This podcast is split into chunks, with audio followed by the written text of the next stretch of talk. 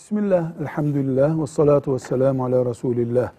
Ölen erkek kardeşin hanımı ile öbür kardeş evlenebilir mi? Ağabey veya küçük kardeş önemli değil.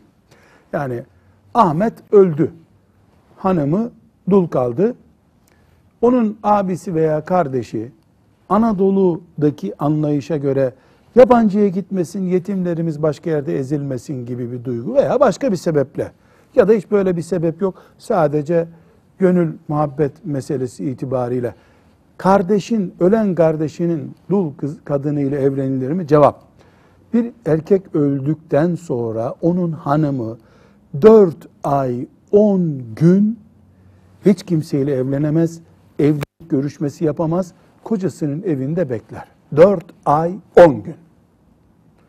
4 çarpı 30 artı 10 gün bekler.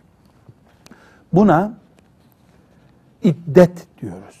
Bu esnada evlenmek haram. Hiç kimseyle.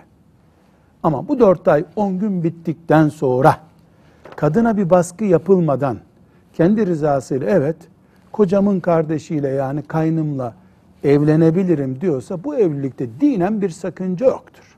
Velhamdülillahi Rabbil Alemin.